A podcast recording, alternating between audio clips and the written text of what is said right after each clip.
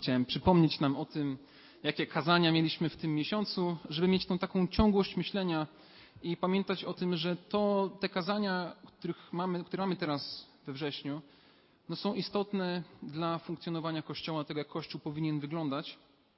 I tak jak już było wspomniane, dzisiaj będę poruszał temat służby. I tak jak nie wiem co, tutaj w Kościele często się mówi o służbie.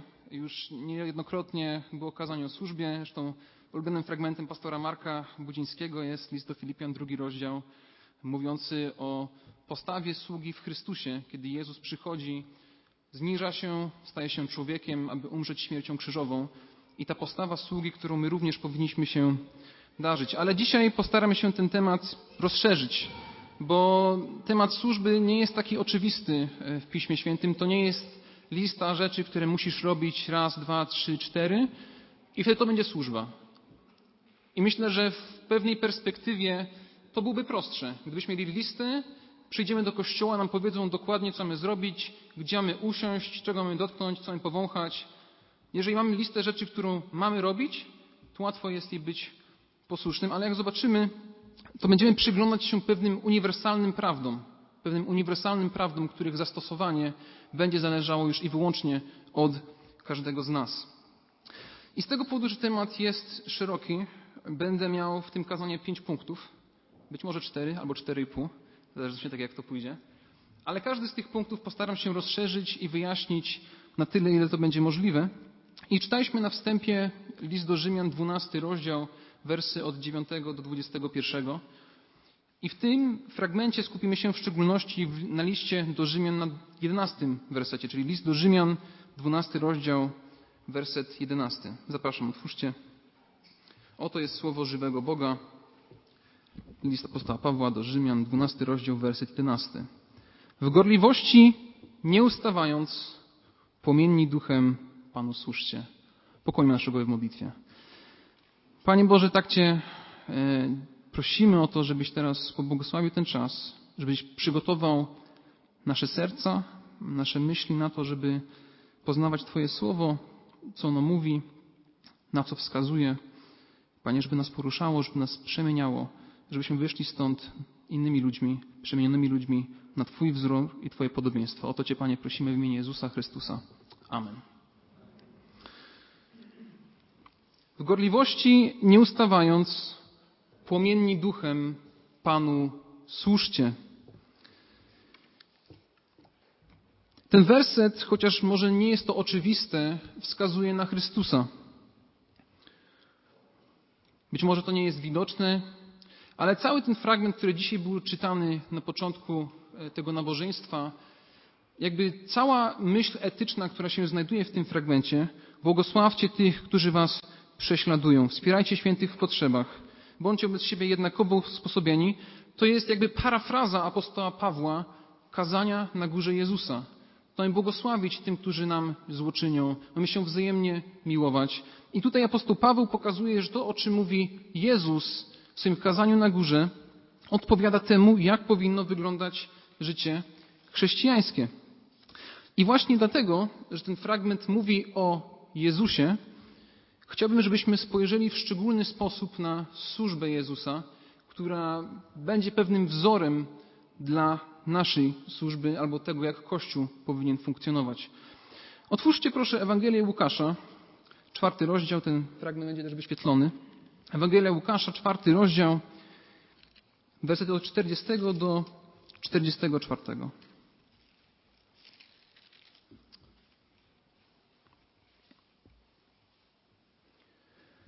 A gdy słońce zachodziło, wszyscy, którzy mieli u siebie chorych, złożonych różnymi chorobami, przyprowadzali ich do Niego. On zaś kładł na każdego z nich ręce i uzdrawiał ich. Wychodziły też z wielu demony, które krzyczały i mówiły, Ty jesteś Synem Bożym. A On gromił je i nie pozwalał im mówić, bo one wiedziały, iż On jest Chrystusem. A gdy nastał dzień, wyszedł stamtąd i udał się na pustkowie – a tłumy szukały go i doszły aż do niego i zatrzymały go, by nie odchodził od nich.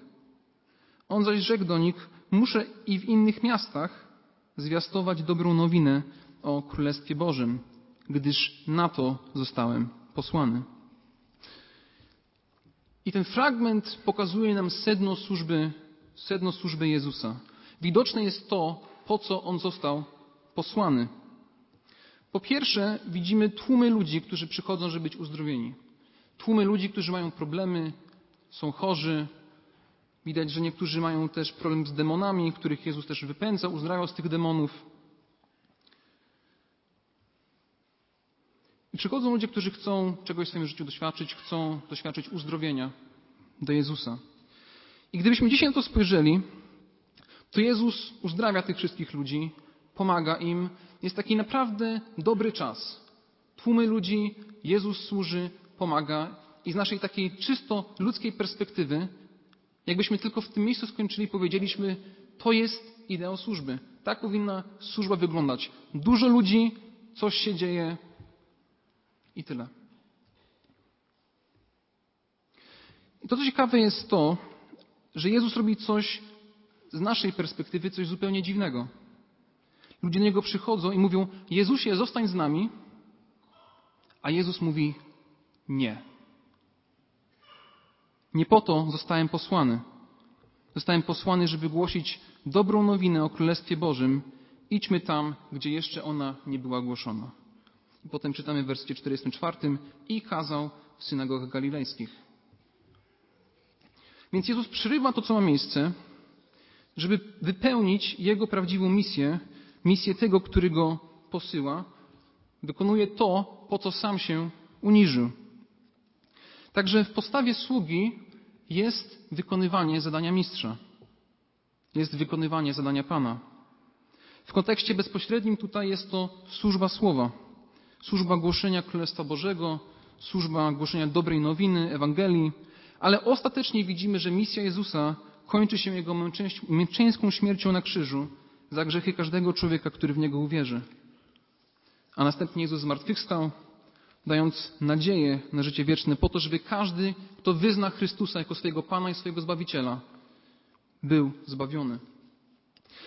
Także były możliwości. Jezus mógł się zaangażować w coś, aczkolwiek zawsze miał w perspektywie to, na co został posłany. W Ewangelii Marka znajdujemy historię uzdrowienia córki Greczynki z demona, gdzie zanim Jezus ją uzdrawia, powiedział do niej tak – Pozwól, aby wpierw nasyciły się dzieci, bo niedobrze jest zabierać chleb dzieciom i rzucać szczeniętom. A ona odpowiadając rzekła do niego, tak jest, panie, wszakże i szczenięta jadają pod stołem z okruszyn dzieci. I rzekł do niej, dla tego słowa idź, demon wyszedł z córki twojej. I początkowo, czy też bezpośrednio służba Jezusa była skierowana do narodu izraelskiego. Jezus służył wśród Izraelitów, chodził w Galilei, w Judei, nawet w Samarii, jak rozmawiał z kobietą, to było coś dziwnego, bo Żydzi nie rozmawiali z Samartynami. A tutaj uzdrawia Greczynkę, która jest w pełni poganką. To nie jest tak jak Samarytanie, którzy byli częściowo pochodzenia izraelskiego i częściowo pogańskiego. To jest Greczynka, to jest w pełni poganka. I Jezus tutaj robi wyjątek. Robi wyjątek dla niej, bo ona w Niego uwierzyła, przyszła do Niego z potrzebą. Jezus nie odrzucał każdego, kto przychodził z potrzebą, który potrzebował uzdrowienia. Ale jednak widzimy, że w tym wszystkim Jezus ma na celu swoją misję, wie po co został posłany. I takich sytuacji w Nowym Testamencie jest więcej, ale one znowu wszystkie wskazywały na ostateczny cel Chrystusa, Jego ostateczną misję, gdzie na krzyżu zostali pojednani z Bogiem zarówno Żydzi, Grecy i pogania, i w tym również Polacy, bo Polacy też są poganie z perspektywy Biblii. Ale również dwie grupy, które były sobą zwaśnione, zostały sobą pojednane, jak mówi list do Efezjan, albowiem On jest pokojem naszym, On z dwojga jedność powstała i zburzył w ciele swoim stojącą pośrodku przegrodę murę nieprzyjaźni. Czyli dwie grupy, które były sobą zwaśnione, Jezus w swojej służbie pojednał. I gdyby Jezus wtedy posłuchał tamtych ludzi, żeby On z nimi został, to dzisiaj nie mielibyśmy tutaj żadnego miejsca. Dzisiaj byśmy tutaj nie siedzieli, byśmy tutaj razem nie chwalili Boga w tym miejscu. Ale dzięki ofierze Chrystusa, dzięki temu, że On posłusznie wykonywał Bożą misję i Boże zadanie do końca, możemy tutaj być każdy z nas wspólnie z innego środowiska, z innego miejsca, pojednany w Chrystusie. To jest tylko i wyłącznie dzięki temu, że Jezus był posłuszny. Także czego można się nauczyć z tej służby Jezusa? Tego, że wszyscy, którzy do Niego przychodzili z potrzebami, byli przyjmowani. I będziemy się do tego kazania jeszcze odnosić, jak to będzie wyglądało w praktyce w Kościele. Ale równocześnie widzimy, że dobro, jakiego świadczył, nie mogło zastąpić jego służby skupionej na głoszeniu słowa, dobrej nowiny i również służby skupionej na tym, żeby ostatecznie uratować ludzi z grzechu. Właśnie to aktywne posłuszeństwo Chrystusa, to, że On całkowicie był Bogu poddany, również jest powodem, dla którego my dzisiaj możemy żyć.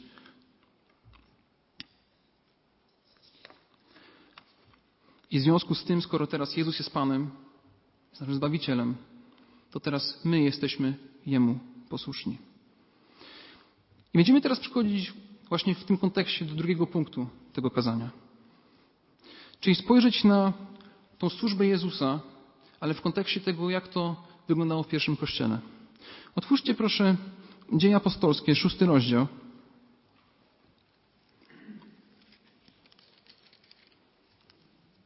Przeczytamy wersety od pierwszego do czwartego.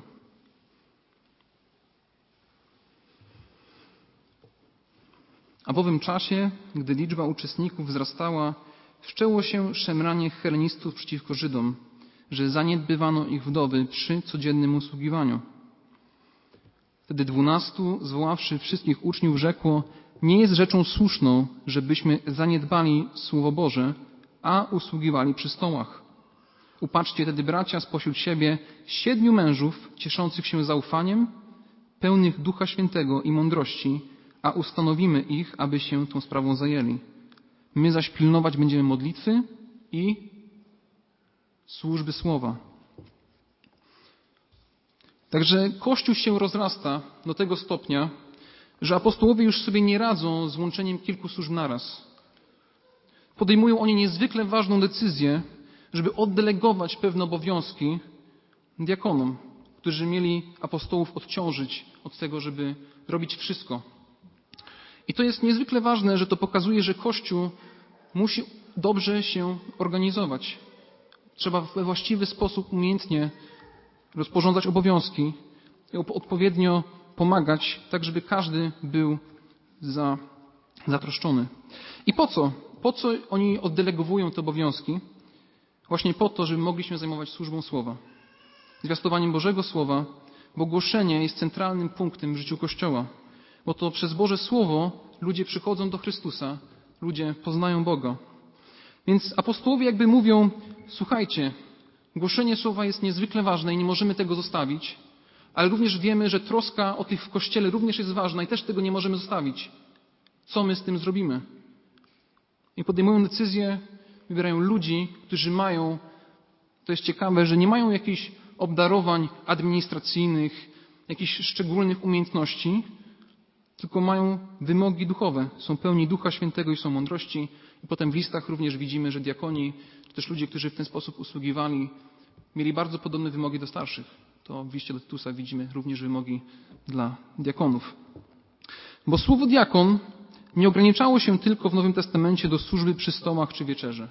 To nie była tylko służba przy wieczerzy, przy usługiwaniu przy stołach, ale to była również służba troski o tych potrzebujących w Kościele. I to jest właśnie po to zrobione, żeby w Kościele było miejsce na służbę Słowa. Kościół bez Słowa nie jest Kościołem.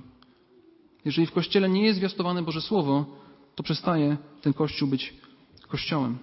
Co oznacza, że głoszenie kazań, a również aktywne słuchanie kazań jest w centrum funkcjonowania Kościoła. Bo to właśnie przez Boże Słowo ludzie są zbudowani, są zachęceni, są skonfrontowani i co więcej, kiedy przychodzimy na nabożeństwo, to przychodzimy z pragnieniem tego, żeby być nakarmieni duchowo. To jest pragnienie, które każdy z nas powinien mieć przychodząc na nabożeństwo. Słuchamy kazania i chcemy być nakarmieni duchowo przez kaznodzieję, który coś głosi. Dlaczego? Bo wierzymy, że Bóg przez swoje słowo działa, wierzymy, że Bóg przez słowo nas przymienia, On nas doświadcza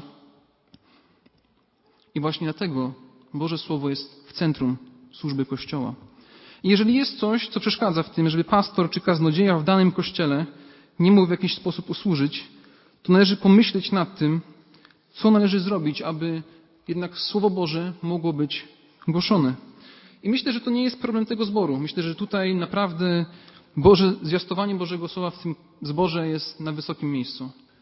Ludzie przychodzą, chcą słuchać, pragną słuchać Bożego Słowa, pytają się, dyskutują czasami na temat kazania. Bo właśnie chcemy wiedzieć, co Bóg do nas mówi. Także trzeba również przychodzić na nabożeństwo, trzeba przychodzić z chęcią bycia przemienionym przez Boże Słowo, bo jak można być przemienionym, jeżeli się nie jest tam, kiedy jest głoszone? To jest bardzo, bardzo prosty wniosek. Jeżeli przychodzę na nabożeństwo wyspany, jeżeli przychodzę na nabożeństwo gotowy do słuchania tego, co słyszę i gotowy, żeby to, co słyszę, wprowadzać w swoje życie, jeżeli jestem gotowy sprawdzać to, co jest głoszone z tym, co jest napisane w Bożym Słowie, to dobre rzeczy będą miały miejsce w moim w Twoim życiu, a ostatecznie będą miały dobre miejsce w życiu Kościoła, dlatego że jesteśmy jednym ciałem, o czym też tutaj na kazaniach było już wspomniane. Ale na pewno to rodzi pewne pytania. Na pewno rodzi pytania, co ze mną, jeżeli ja nie głoszę? Czy jest coś, co ja powinienem robić? Czy jest coś, czym się powinienem zajmować? I właśnie to teraz poruszymy w tej części kazania. Ale tak jak wspomniałem, jeżeli to będzie oczekiwanie jakiejś listy tego, co mam robić, to tutaj może ktoś się zawieść, bo takiej listy po prostu nie ma. Każdy zbór jest inny, każdy człowiek jest inny, każdy ma inne obdarowanie i nie może być tak, że jest jeden wzór dla służby dla każdego człowieka.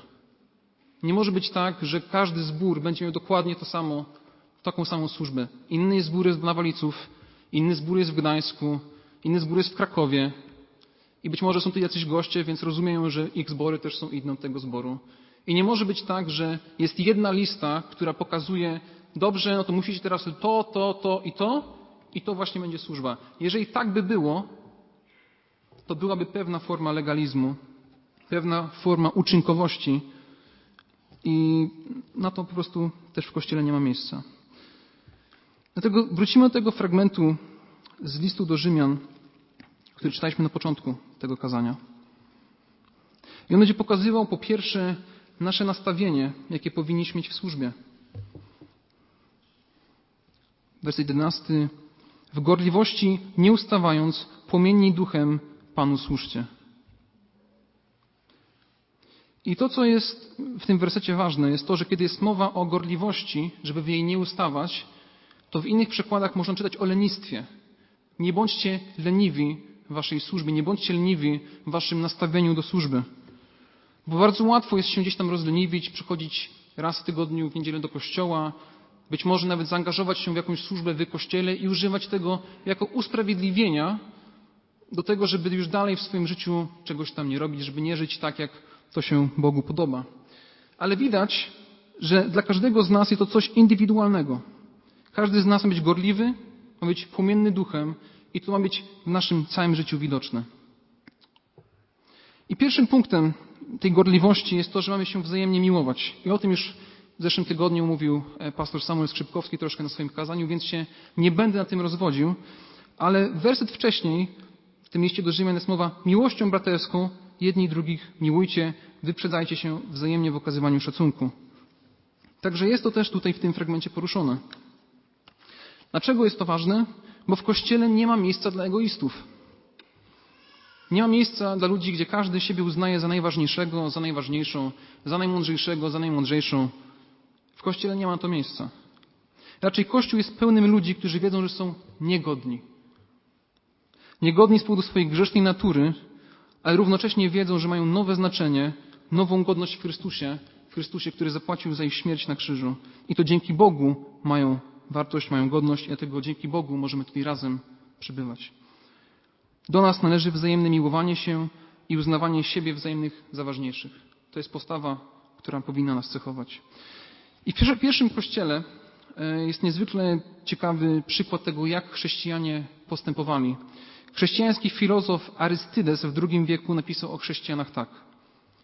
Jeśli jest wśród nich ktoś biedny lub potrzebujący, a nie mają dla niego jedzenia, poszczą przez dwa lub trzy dni, aby zapewnić jego potrzebę. poszczą przez dwa lub trzy dni, żeby zapewnić jego potrzebę. Jak ważne trzeba mieć spojrzenie o drugim człowieku, o naszym bracie, naszej siostrze, żeby pościć przez dwa lub trzy dni, żeby nie jeść samemu po to, żeby ktoś inny mógł jeść. Także Kościół we wczesnych wiekach, jeśli nie miał jak dać, to pościł, żeby móc dać. I czy to nie daje przypadkiem do myślenia, czy ja sam nie byłbym gotowy do tego, żeby w ten sposób się poświęcać. I tak jak już wspominaliśmy, to Kościół potrzebuje mądrze się organizować. Im Kościół jest większy, czasami nie wszystkie potrzeby są też znane. I tutaj takim pomysłem od jakiegoś czasu jest, żeby zorganizować taką służbę dobroczynności w Kościele, która będzie we właściwy sposób mądrze mogła pomagać tym, którzy tej pomocy potrzebują, żeby coś takiego przygotować. Jeżeli ktoś pragnie, może się coś takiego też zaangażować. Ale to nie tylko, żeby pomagać tym, którzy są w Kościele, tym, którzy są naszymi braćmi i siostrami, bo również chrześcijańska miłość mówi o bliźnim, o człowieku, który nie jest osobą wierzącą.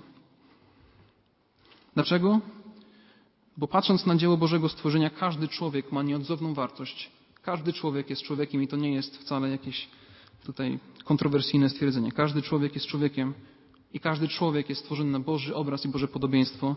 I dlatego już od samych początków też chrześcijanie się troszczą o tych, którzy są poza nimi. Cesarz Julian Apostata o chrześcijanach, znowu powiem, o chrześcijanach powiedział tak, to jest trzeci wiek. Ci bezbożni Galilejczycy nie tylko karmią własnych biednych, ale i naszych. Cesarz się zdenerwował, że chrześcijanie się zaczęli angażować społecznie, zaczęli pomagać biednym i to się działo poza kontrolą Cesarstwa Rzymskiego. To jest troszkę odwrotnie od tego, jak to jest dzisiaj. Dzisiaj chrześcijanie dają władzy pozwolenie na to, żeby władza opiekowała się biednymi i potem nagle chrześcijanie mówią, no to my umywamy ręce. Nie wiemy o co chodzi, nie wiemy jak pomagać, bo tym już się zajmuje władza. Oczywiście to nie jest też tak zawsze. Kościoły też prowadzą działalności dobroczynne, charytatywne, ale w dużej mierze to, co kiedyś władza nie chciała robić, teraz się okazuje, to, i to, co chrześcijanie chcieli robić, to się okazuje, że teraz chrześcijanie być może nie chcą robić i przekazują tą pałeczkę władzy. Ale kiedy chrześcijanie angażują się charytatywnie, czy też społecznie pomagają innym ludziom, to to jest niezwykle ważne, żeby stwierdzić, że oni się nie zajmują sprawiedliwością społeczną, ale działalnością dobroczynienia i charytatywną. Bo za sprawiedliwością społeczną to jest takie popularne hasło dzisiaj, a dobroczynieniem to są zupełnie dwie różne rzeczy. Sprawiedliwość społeczna mówi: Nie mam, więc mi się należy. Jest mi źle, to mi się należy. Ty mi musisz dać, bo ja nic nie mam. No i potem ludzie mówią: Dobrze, to Tobie daję, bo Tobie się należy. Tylko to całkowicie odbiera znaczenia miłości. Bo kiedy jesteśmy zmuszani do pomocy, albo ta pomoc jest pewną formą należności, to nie ma w tym żadnej miłości. Nie można nikogo zmusić do miłości, bo miłość jest aktem wynikającym z dobroci serca. Równocześnie, jeżeli ktoś oczekuje tego, że będzie miał pomocy, to w jaki sposób można komuś okazywać w ten sposób łaskę? Kiedy łaska jest czymś, na co nie zasługujemy. Dlatego właśnie dlatego to należy rozróżniać. Równocześnie troska o tych wykluczonych społecznie nie kończy się tylko na osobach biednych czy potrzebujących, ale również na tych, na których społeczeństwo przekreśliło. I to daje naprawdę spore pole służby do, do, do spore pole do służby. Kiedyś w Polsce zbór w Łodzi posiadał szpital. Siostry zboże działały w szpitalu, nie brały za to pieniędzy. Każdy, kto potrzebował pomocy medycznej, dostawał tę pomoc medyczną. Przy zborze był szpital i dostawali pomoc medyczną.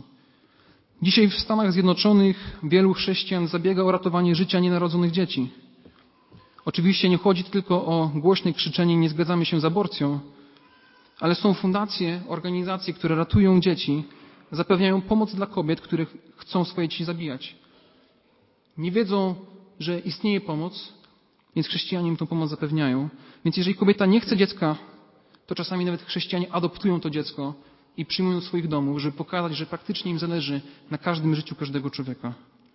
Jest taka organizacja zrzeszająca i wyposażająca wiele kościołów. Ona się nazywa End Abortion Now. I lokalne kościoły, które są zrzeszone w tej organizacji, ratują rocznie tysiące dzieci. Tysiące dzieci matki zmieniają swoje zdanie, a jeżeli nie zmieniają zdania, to chrześcijanie pomagają, żeby zaopiekować się tymi dziećmi w swoich domach. W Polsce również w Trójmieście podobna powstała służba, organizacja pomagająca matkom, które sobie nie radzą, zapewniają im pomoc żywnościową, finansową, właśnie po to, żeby jeżeli się zastanawiają nad usunięciem ciąży, za to, że nie są w stanie same się zaopiekować tym, to chrześcijanie działają, wspierają właśnie to, żeby mogły realnie tym dzieckiem się zaopiekować i to jest realna pomoc. Ale zauważcie, że taka troska wymaga pewnego rodzaju zaangażowania. Okazania pomocy faktycznie drugiemu człowiekowi to wymaga od nas pewnego zaangażowania, poświęcenia czasu, czasami nawet pieniędzy. I to, co jest smutne, to czasami łatwiej jest nam pisać o kotkach, które są w schroniskach, o ratowaniu środowiska, aniżeli o tym, żeby faktycznie komuś drugiemu pomóc. I oczywiście to są ważne sprawy, ale nie one powinny wymagać naszej gorliwości tak samo jak ludzkie życie. Także tak jak mówiłem, służba Bogu nie może być ograniczona do jakiejś listy. Są inne konteksty kulturowe, są inne miasta, są inne potrzeby, ale od każdego z nas zależy, jak będziemy wprowadzać w życie te uniwersalne prawdy na temat tego, że drugi człowiek ma wartość, jak możemy mu pomóc, jak możemy mu głosić Ewangelię. W czwartym punkcie tego kazania chcemy dokonać rozróżnienia, które jest chyba niezwykle istotne w kontekście Kościoła Ewangelicznego w Polsce, bo jest to coś niezwykle ważnego na temat sakrum i profanum służby. Otwórzcie proszę list do Kolosan, trzeci rozdział. Pojawi się ponownie pewna prawda, którą już czytaliśmy na początku, ale w innym, w innym liście. List do Kolosan, trzeci rozdział, wersety 23 i 24. Cokolwiek czynicie z duszy, czyńcie jako dla Pana, a nie dla ludzi, wiedząc, że od Pana otrzymacie jako zapłatę dziedzictwo, gdyż Chrystusowi Panu służycie. I niektórzy ludzie rozumieją służbę trochę w takich kategoriach sakrum i profanum, że służba jest w kościele, a poza kościołem to ja już nie służę. W kościele to jest moja służba i to musi być koniecznie w kościele, a poza kościołem to już nie jest służba. Ale zauważcie, że taki obraz jest daleki od prawdy. Jest napisane, cokolwiek czynicie, z duszy czyńcie dla Pana, a nie cokolwiek czynicie w kościele, czyńcie dla Pana. Dlaczego? Gdyż Chrystusowi Panu służycie. I Jezus nie jest Panem tylko w niedzielę od godziny 10 do 12. On nie jest Panem tylko może od 11 do 13, w zależności jak kto ma nabożeństwo. Nie jest Panem jeszcze w środę, kiedy mamy nabożeństwo środowe. Jezus jest Panem, On rządzi, mimo że może tego fizycznie nie widzimy, On rządzi 24 godziny na 7. I wszystko, co robimy, mamy traktować jako służbę. Jeżeli pracujesz, to traktuj pracę jako swoją służbę dla Boga. Wykonuj ją z chwalącą Boga doskonałością, z uczciwością, tak, żeby to się Bogu podobało. Jeżeli studiujesz albo się uczysz, to się nie uczysz dla siebie, ale studiując właściwie i uczciwie, służysz Bogu. Jeżeli jesteś rodzicem, ojcem, matką i wychowujesz dziecko, to masz przed sobą ogromny zaszczyt i ogromne wyzwanie. To jest służba, która trwa wiele lat.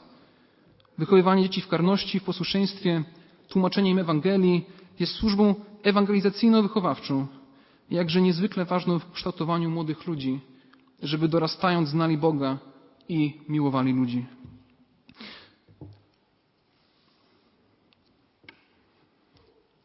Nasza służba jest wszędzie, a w szczególności w miejscach tam, gdzie znajdujemy się, tam, gdzie pracujemy. I od wielu lat chrześcijanie rozumieją to. I od wielu lat chrześcijańska etyka pracy polega na tym, że służę dobrze, nie dlatego, że dostaję to pieniądze, ale służę dobrze dlatego, że służę w ten sposób Bogu. I to, co jest niezwykle ważne w kontekście służby w pracy, jest zadanie sobie pytania, kto jest w Twojej pracy? Kto jest w Twojej szkole? No pastora tam nie ma, chyba że czasem może tam w odwiedziny kiedyś wpadnie. Ale kto jest w Twojej pracy? Jesteś Ty. I prawda jest taka, że kazanie, czy też Ewangelia mówiona w kościele może nie trafić do ludzi w Twojej pracy. Może nie trafić do Waszych znajomych.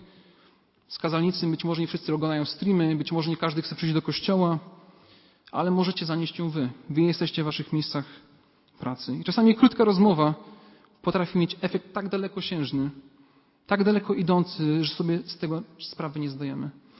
Miałem w te wakacje okazję poznać pewnego chłopaka, on ma około 30 lat, e, gdzie opowiadał swoją historię nawrócenia.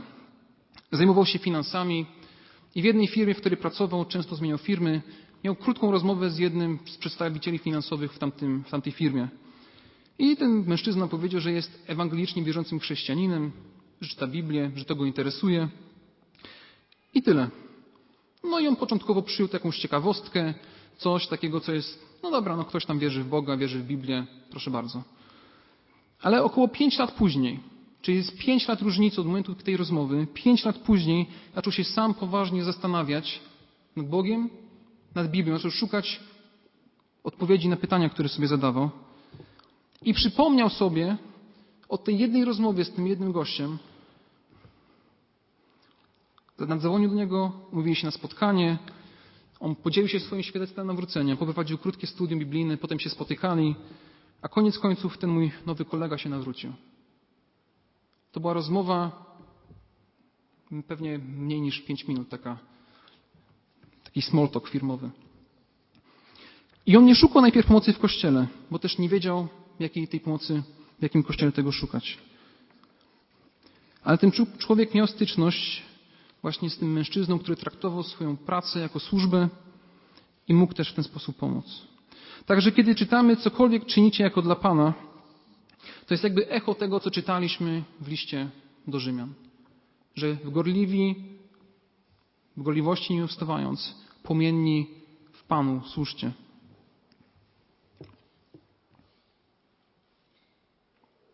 I ostatnią rzeczą, jaką chciałbym poruszyć w tym kazaniu, jest to, jak mamy traktować innych ludzi, którzy przychodzą na nabożeństwo.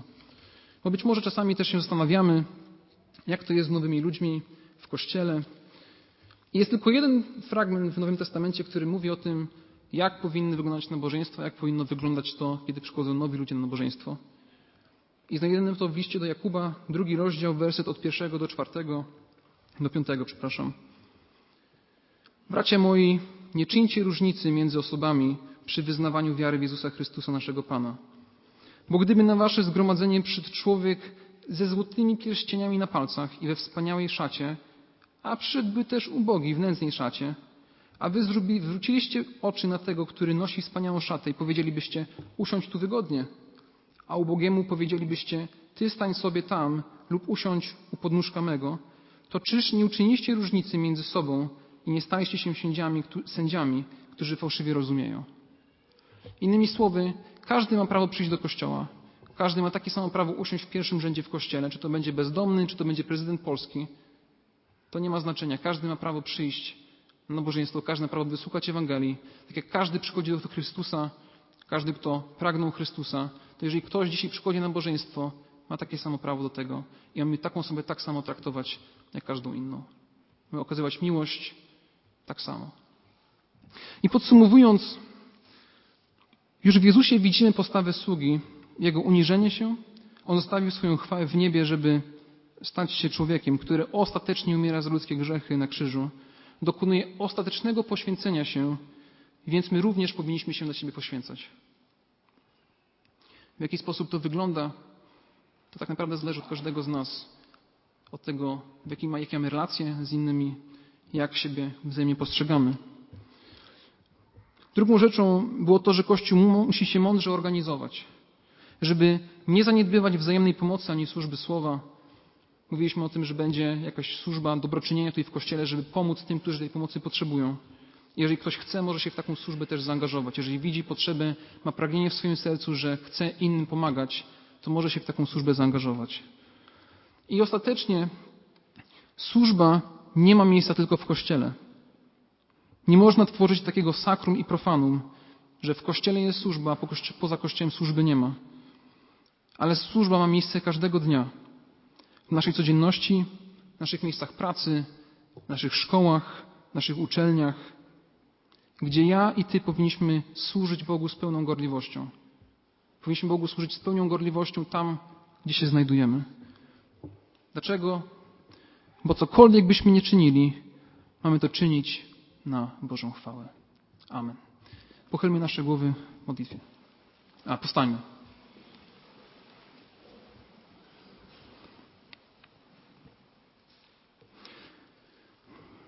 Dobry Panie, Ty, który prawdziwie sprawujesz władzę i Ty, któremu służymy, prosimy Cię o to, żebyś napełniał każdego z nas, Panie, żebyś napełniał też mnie taką gorliwością, zapałem służby dla Ciebie, ale żeby to była służba, która rozumie, że, ty, że służymy Tobie w każdym miejscu, w którym się znajdujemy.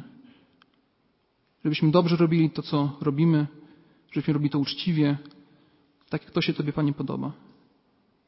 Panie, prosimy Cię też o to, żeby obdarzył nas mądrością w tym, jak mądrze organizować pomoc dla tych, którzy tej pomocy potrzebują. I żeby to wszystko, co ma tutaj miejsce, miało miejsce w nastawieniu wzajemnego szacunku i uniżenia się, tak jak Ty, Panie, się do nas uniżyłeś. Tak Cię, Panie, o to prosimy w imieniu Jezusa Chrystusa. Amen.